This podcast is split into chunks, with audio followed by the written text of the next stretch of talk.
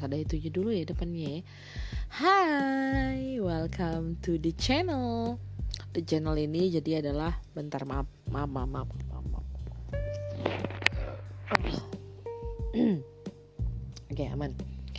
The channel ini sebenarnya adalah sebuah podcast atau isi hati dari seorang Theo yang mau mengungkapkan apa sih yang ada di pandangan seorang Theo tentang hal yang terjadi di bumi ini gitu. Salah satunya yang sedang kita hadapi saat ini ya adalah pandemi virus corona COVID-19. Wih berat nggak tuh? Berat ya.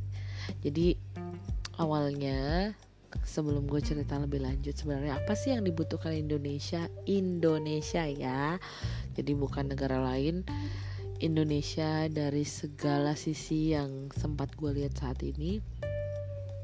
Perkenalkan gue sebelumnya adalah seorang pekerja di bidang media. Jadi kenapa gue memperkenalkan diri gue seperti itu? Bukan karena gue sok-sokan ya bukan kak ya. Jadi uh, media ini adalah orang kedua yang paling dekat Oke, okay, let's say ketiga mungkin ya. Setelah pemerintah, tenaga medis, kita media. Jadi kita ketiga adalah orang yang paling update, paling dekat dan paling rentan terhadap yang namanya virus corona COVID-19. Biar lebih sederhana gue menyebutnya COVID-19 aja ya. Oke. Okay berbicara tentang virus yang satu ini virus ini sangat sangat sangat sangat sangat sangat sangat sangat sangat sangat kalau ada efeknya gue pengen diulang-ulang dong boleh nggak nggak bisa ya? Ya udahlah. Sangat sangat sangat sangat sangat mengkhawatirkan bukan menakutkan ya karena virus ini adalah virus yang bisa sembuh bukan virus yang sama sekali tidak ada obatnya. Walaupun obatnya tuh sampai sekarang kita belum menemukan ya. Jadi obatnya tuh sebenarnya secara secara logik sih adalah tingkatkan imun tubuh itu yang selalu dikatakan.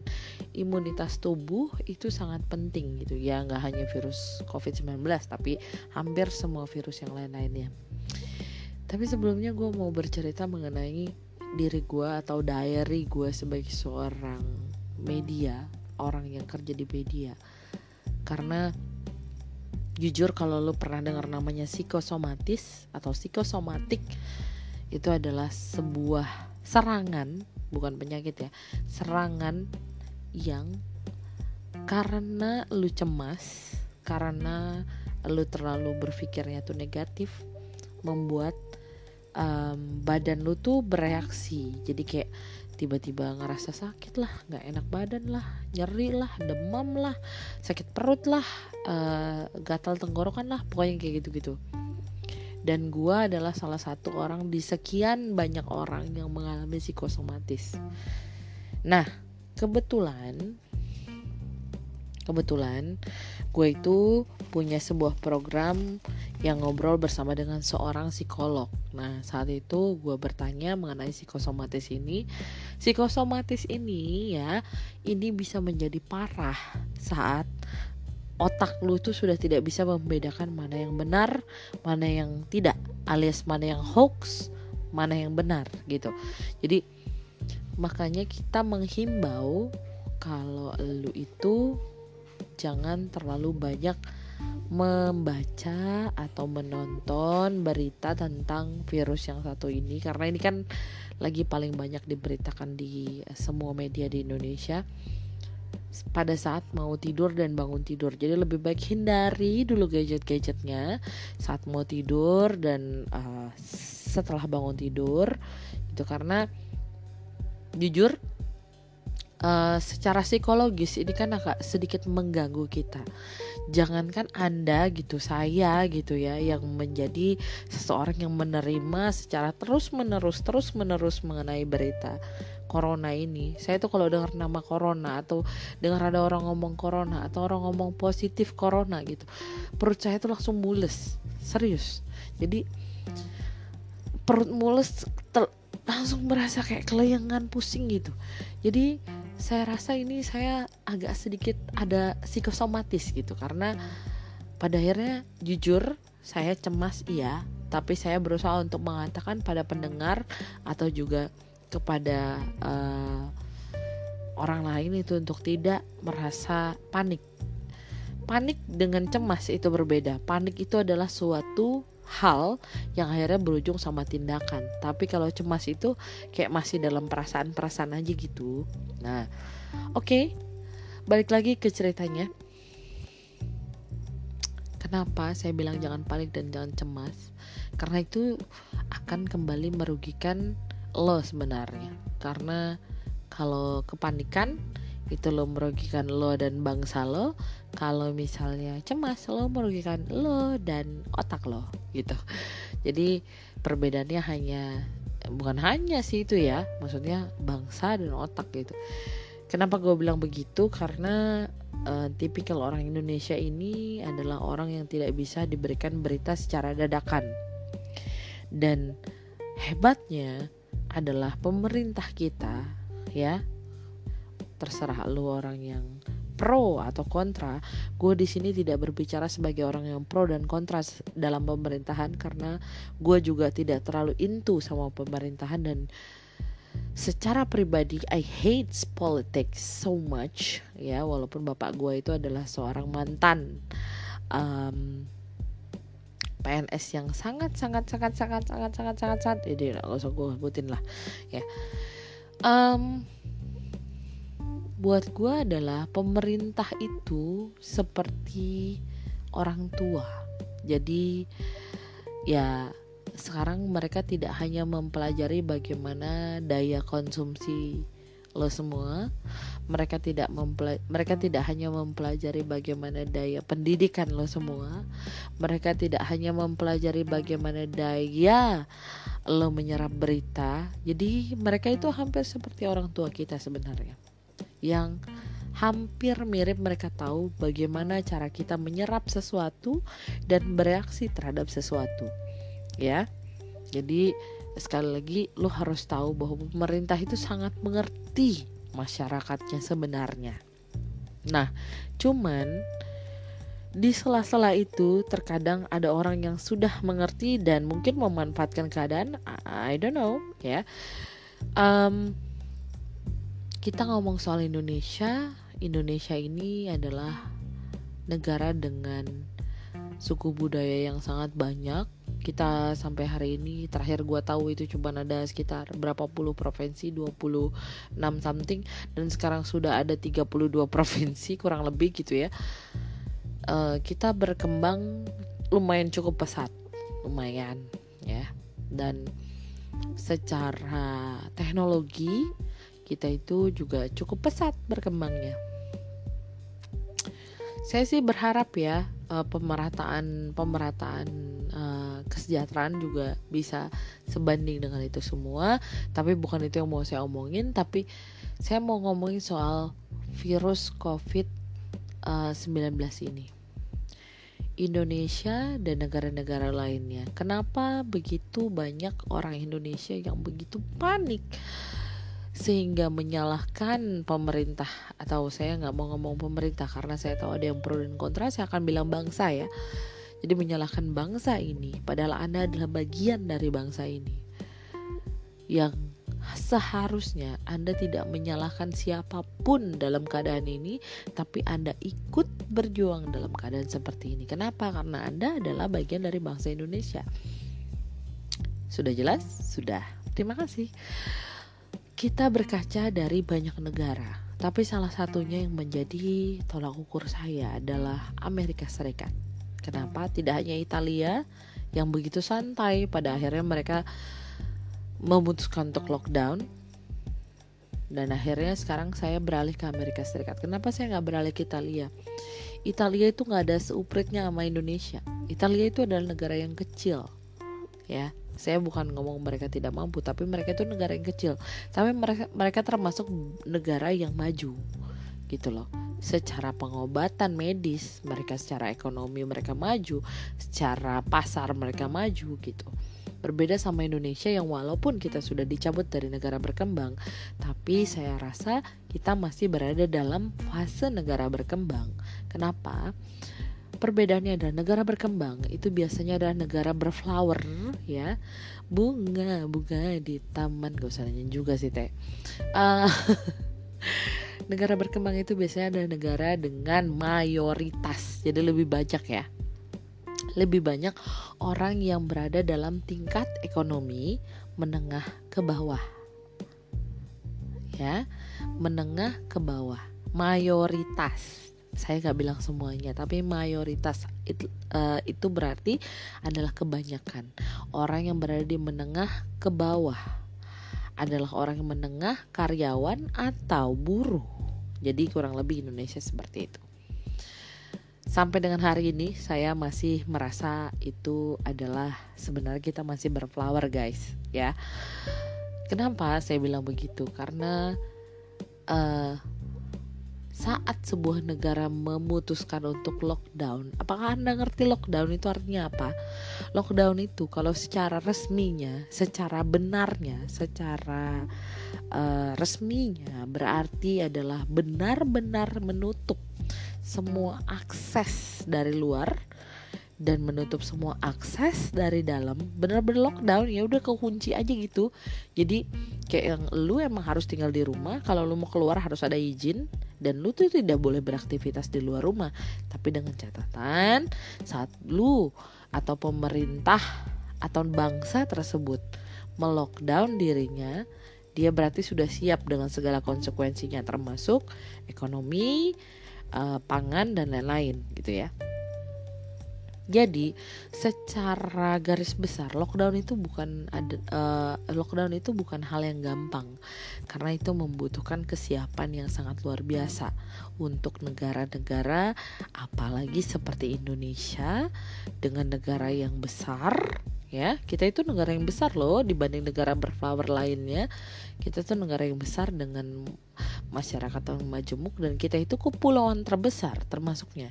Karena kita tuh pulaunya ada 30 something belum suku bangsa dan rasnya gitu ya. Jadi kita tidak bisa saya tahu rasanya jadi seorang pemimpin bangsa ini gitu.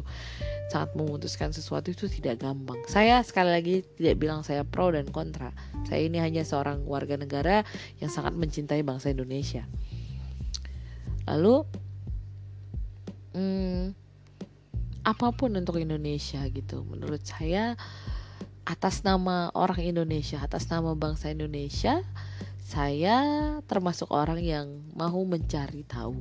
Mau saya adalah orang yang mau tahu kenapa ada apa dan apa yang harus dilakukan. Gitu. Termasuk saat pandemi ini terjadi kebetulan ya itu tadi saya kerja di media saya pasti sudah tahu adalah ada ini itu ini itu ini itu.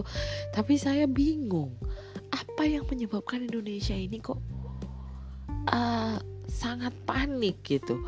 Apa yang bisa kita lakukan? Pemerintah sudah uh, maaf sekali lagi saya bilang bangsa ini sudah agak bingung gitu. Bukan bingung ya. Uh, bingung dalam artian untuk cari solusi yang tepat untuk berbagai daerah. Anda bayangin 30 daerah, Anda harus cari solusi yang tepat untuk setiap daerah biar semua merasa adil. Ya kayak orang tua lah, biar semua ngerasa adil walaupun setiap kebutuhan daerah tersebut berbeda. Jadi Anda bisa tahu bagaimana rasanya menjadi pemerintah bangsa ini mati kon kon ya. Saya pikir Iya ya, karena tidak semua. Sekarang kita hanya ngomong DKI Jakarta, Jabodetabek, Jawa secara keseluruhan, Sumatera secara keseluruhan, Sulawesi secara keseluruhan, dan Kalimantan. Itu adalah daerah-daerah dengan tingkat-tingkat yang berbeda. Jadi Anda tidak bisa bilang secara rata bagi rata ya udah semuanya 30% gak bisa. Kenapa? Karena keperluan setiap daerah itu berbeda. Ya sekali lagi saya bilang biar anda lebih mengerti begitu juga orang tua mengajarkan anda tentang sesuatu yang uh, sama rata. Terkadang anda ada yang lebih banyak ada ada yang lebih sedikit karena mereka tahu keperluannya berbeda-beda gitu. Karena itu yang diajarin orang tua saya dulu. Sama rata atau uh, uh, sama rata ya ibarat kasih sayang sama rata itu bukan berarti satu dapat satu satu dapat dua satu dapat tiga satu dapat enggak tapi semuanya sama rata sesuai dengan porsi masing-masing nah ini yang susah kenapa karena Indonesia ini negara kepulauan termasuk kepulauan terbesar satu pulau dengan pulau lainnya. Anda bayangin bedanya seperti apa? Anda nggak tahu bagaimana dengan SDA-nya, SDM-nya, ekonominya, ya kan? nah, ini kalau kita sebagai uh, masyarakat awam, saya menyebutnya sekali lagi saya bukan pro atau kontra pemerintah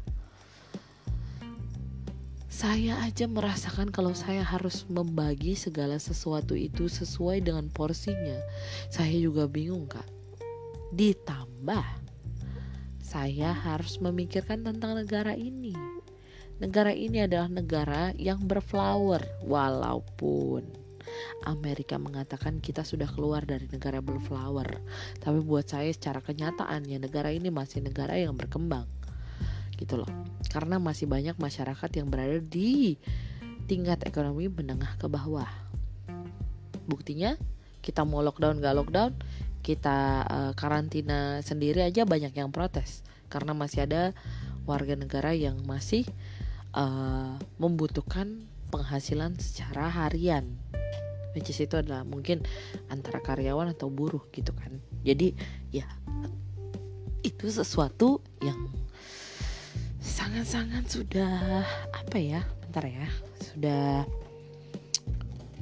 sudah sangat kita mengerti gitu loh.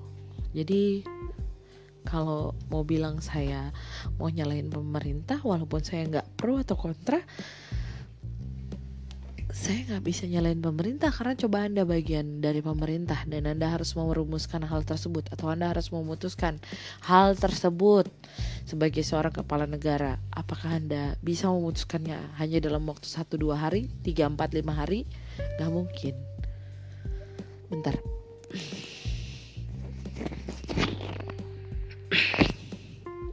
oke kita lanjut ya. Nah balik lagi ke uh, kenapa saya mau ngomongin ini? Bahwa saya ingin sebagai seorang anak bangsa Indonesia saya ingin membantu Anda atau membantu lo semua nih gitu ya. Dalam pemikiran saya berharap sih ya banyak orang yang di atas menengah uh, dalam pemikiran saya berharap orangnya tuh lebih menengah ke atas bukan ekonomi ya. Jadi ini adalah pemikiran dalam artian berwawasan yang lebih luas mengerti apa yang saya katakan uh, bahwa negara ini tuh cuma butuh satu sebenarnya yaitu hati nurani saat ini saat ini ya Kenapa saya bilang begitu? Karena seperti kita belajar dari negara-negara lainnya, oke, okay, walaupun ada statement yang bilang bahwa ya nggak mesti mentah-mentah dipelajarin kayak begitu teh, gitu kan.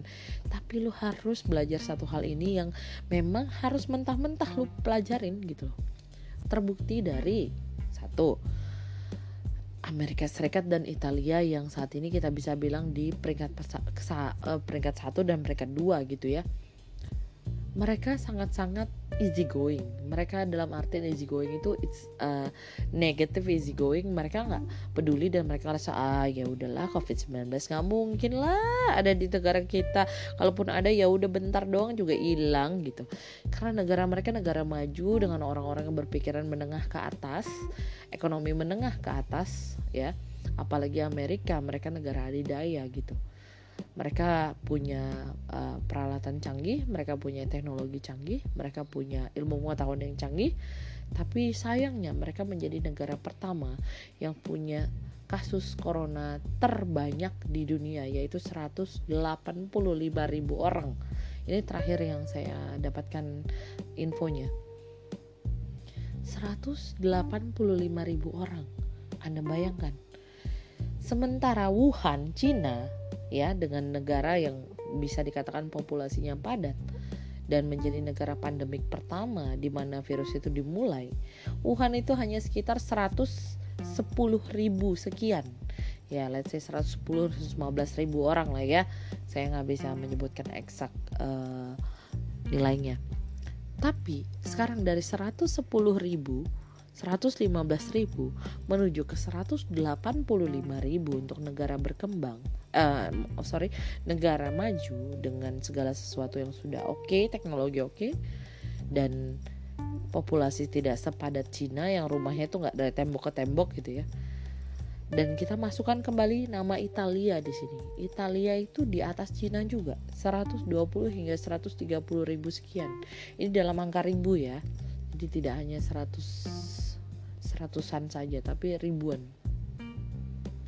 Secara keseluruhan uh, orang atau kasus positif corona. Kita tidak menyatakan yang meninggal atau sembuh, tapi saya hanya mau mengatakan yang positif di mana yang positif ini menjadi cerminan bagaimana se sebuah negara itu lalai dalam artian lalai itu adalah uh, mereka terlalu santai mungkin. Jadi kayak menganggap segala sesuatu itu sepele. Balik lagi kita ke ilmu kehidupan bahwa orang yang santai itu adalah orang yang uh, justru diserang paling banyak gitu loh. Maksud dalam artinya orang yang paling merasa bahwa dia paling aman itu adalah orang yang yang yang justru paling bahaya gitu.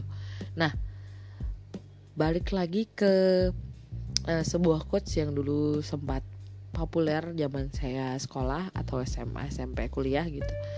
Adalah pada saat saya menyantap sebuah makanan yang enak sekali atau let's say pada zaman itu adalah kulit ayam KFC original. Hmm enak cuy. Dan kita selalu menyisakannya di terakhir. Kita akan bilang saat teman kita mencoba untuk ngambil cek hits save the best save the best for last nah kata-kata save the best for last ini menjadi kata-kata yang agak sedikit saya takuti sekarang karena Indonesia dibanding semua negara yang sudah terinfeksi Indonesia ini rasanya agak-agak yang agak-agak terakhir gitu. Nah, balik lagi ke cara kita untuk mengatasinya. Ingat, ini bukan soal sebuah bangsa saja, tapi ini mengenai manusia. Jadi tidak bisa hanya bangsa, hanya pemerintah yang bekerja, tapi manusianya juga harus bekerja. Harus berusaha gitu menurut saya. Karena ini bukan tentang diri Anda atau keluarga Anda saja, tapi it's all about human beings semua tentang keberlangsungan hidup manusia. Karena kalau kita ngomong itu kita balik lagi ke teori konspirasi. Ada yang bilang ini sengaja dilakukan untuk memusnahkan sekian ribu umat manusia biar populasi dunia nggak begitu padat. Ada juga yang bilang bahwa ini adalah uh, pandemik 100 tahun yang memang sengaja dibuat untuk memusnahkan atau mengeliminasi manusia gitu. Tapi saya yakin bahwa segala sesuatu itu terjadi adalah izin dari yang di atas, izin dari yang Maha Kuasa. Saat dia mengizinkan tersebut berarti dia juga memberikan sebuah pelajaran. Ada sesuatu yang harus kita pelajari di sini. Let's say apa sih yang kita pelajari sebagai seorang Indonesia atau sebagai orang yang berkebangsaan Indonesia pada saat pandemik ini berjalan? Bentar.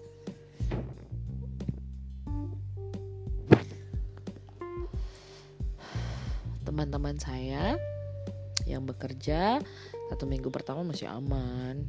Minggu kedua mulai eh lagi ngapain di kantor? Minggu ketiga ih bosen kangen kangen kangen pengen kerja. Lanjut, anak-anak mulai rewel di rumah. Rasanya tiga minggu di rumah nggak ngapa-ngapain, nggak ketemu teman-teman mereka membosankan. Anda pun yang ada di rumah menjadi guru, bahkan itu adalah proses yang lebih berat lagi gitu. Bahkan Anda seorang ibu rumah tangga bingung, ah, gue mau ngapain nggak, masak apa lagi nih? Gitu, ya nggak?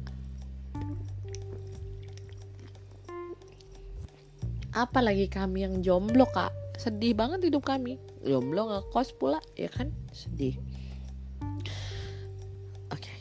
anyway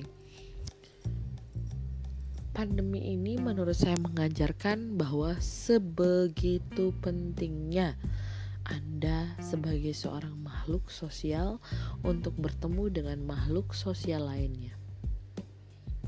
Kenapa? Satu kata, Anda adalah makhluk sosial. That's why Anda butuh untuk bersosialisasi. Walaupun Anda selama 3 minggu, 4 minggu ini ada di TikTok lah, ada di IG lah, IG story lah, Facebook lah, YouTube lah, apa pun itu namanya, termasuk saya ini podcast lah. Tetap aja itu tidak bisa menggantikan seseorang real sebagai social human, human uh, manusia sosial gitu. Beda rasanya. Lalu hal yang bisa kita pelajari lainnya adalah betapa kebersihan dan kesehatan itu sangat penting. Kenapa? Kita ngomong soal masalah kematian sekarang, maaf ya. Dari umur 70, 60, 50, 40 sampai terakhir update terbaru itu ada orang-orang di usia 30 tahunan yang akhirnya harus uh, meregang nyawa karena virus corona ini.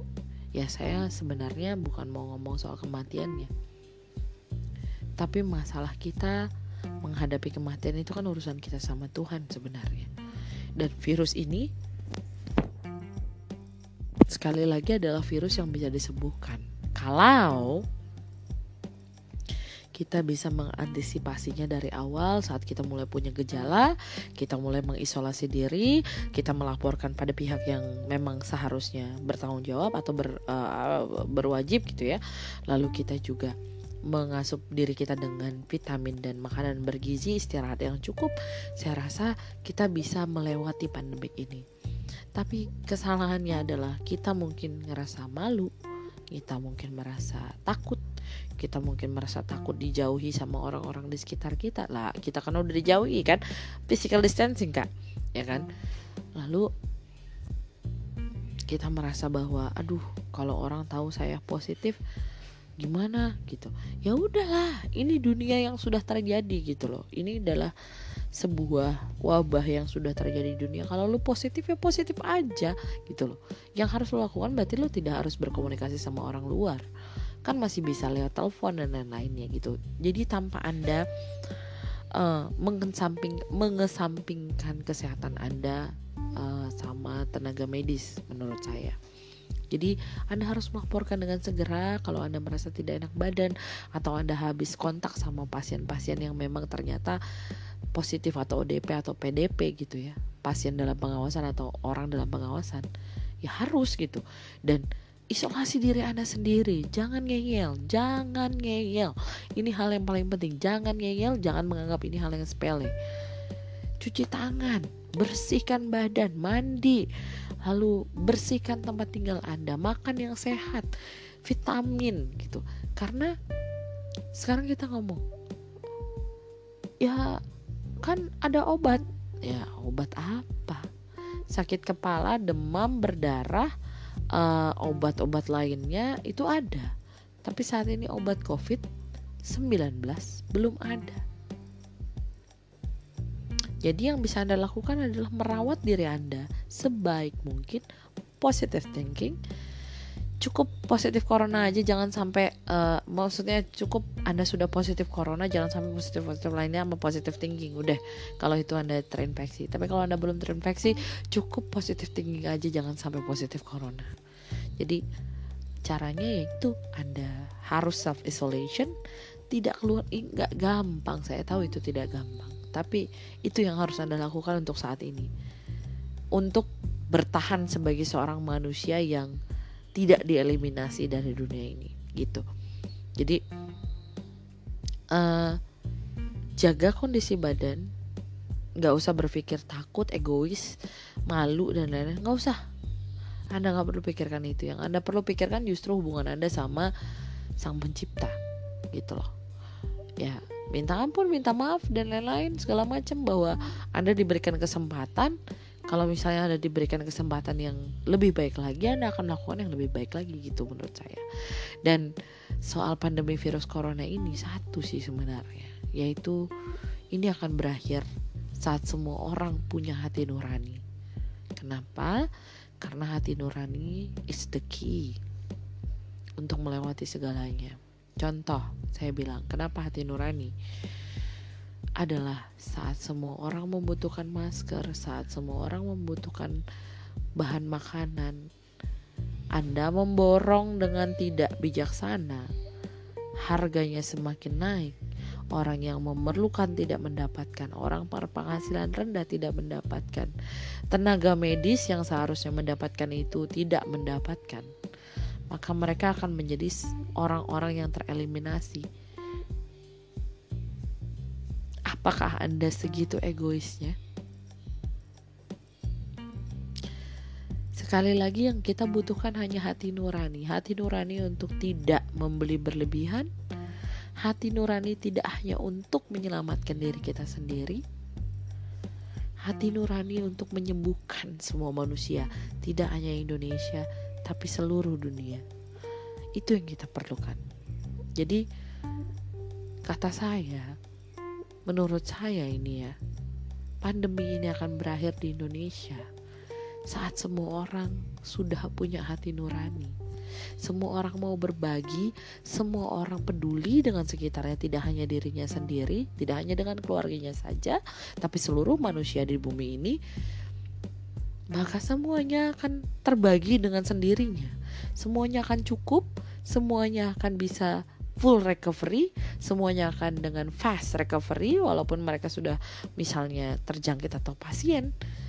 Dan juga tenaga medis akan mendapatkan sesuatu yang memang harusnya mereka dapatkan gitu.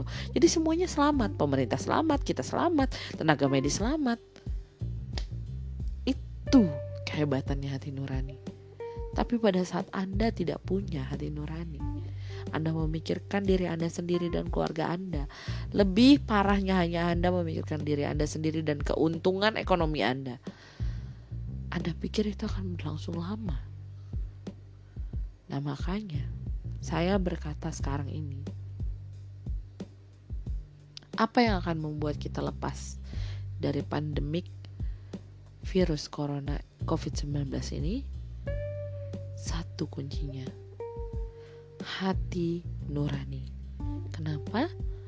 Karena Tuhan menciptakan hati nurani kita tanpa memandang ras, tanpa memandang agama, tanpa memandang status ekonomi, dan tanpa memandang warna kulit kita. Sehebat itu loh hati nurani. Jadi, apakah Anda punya hati nurani?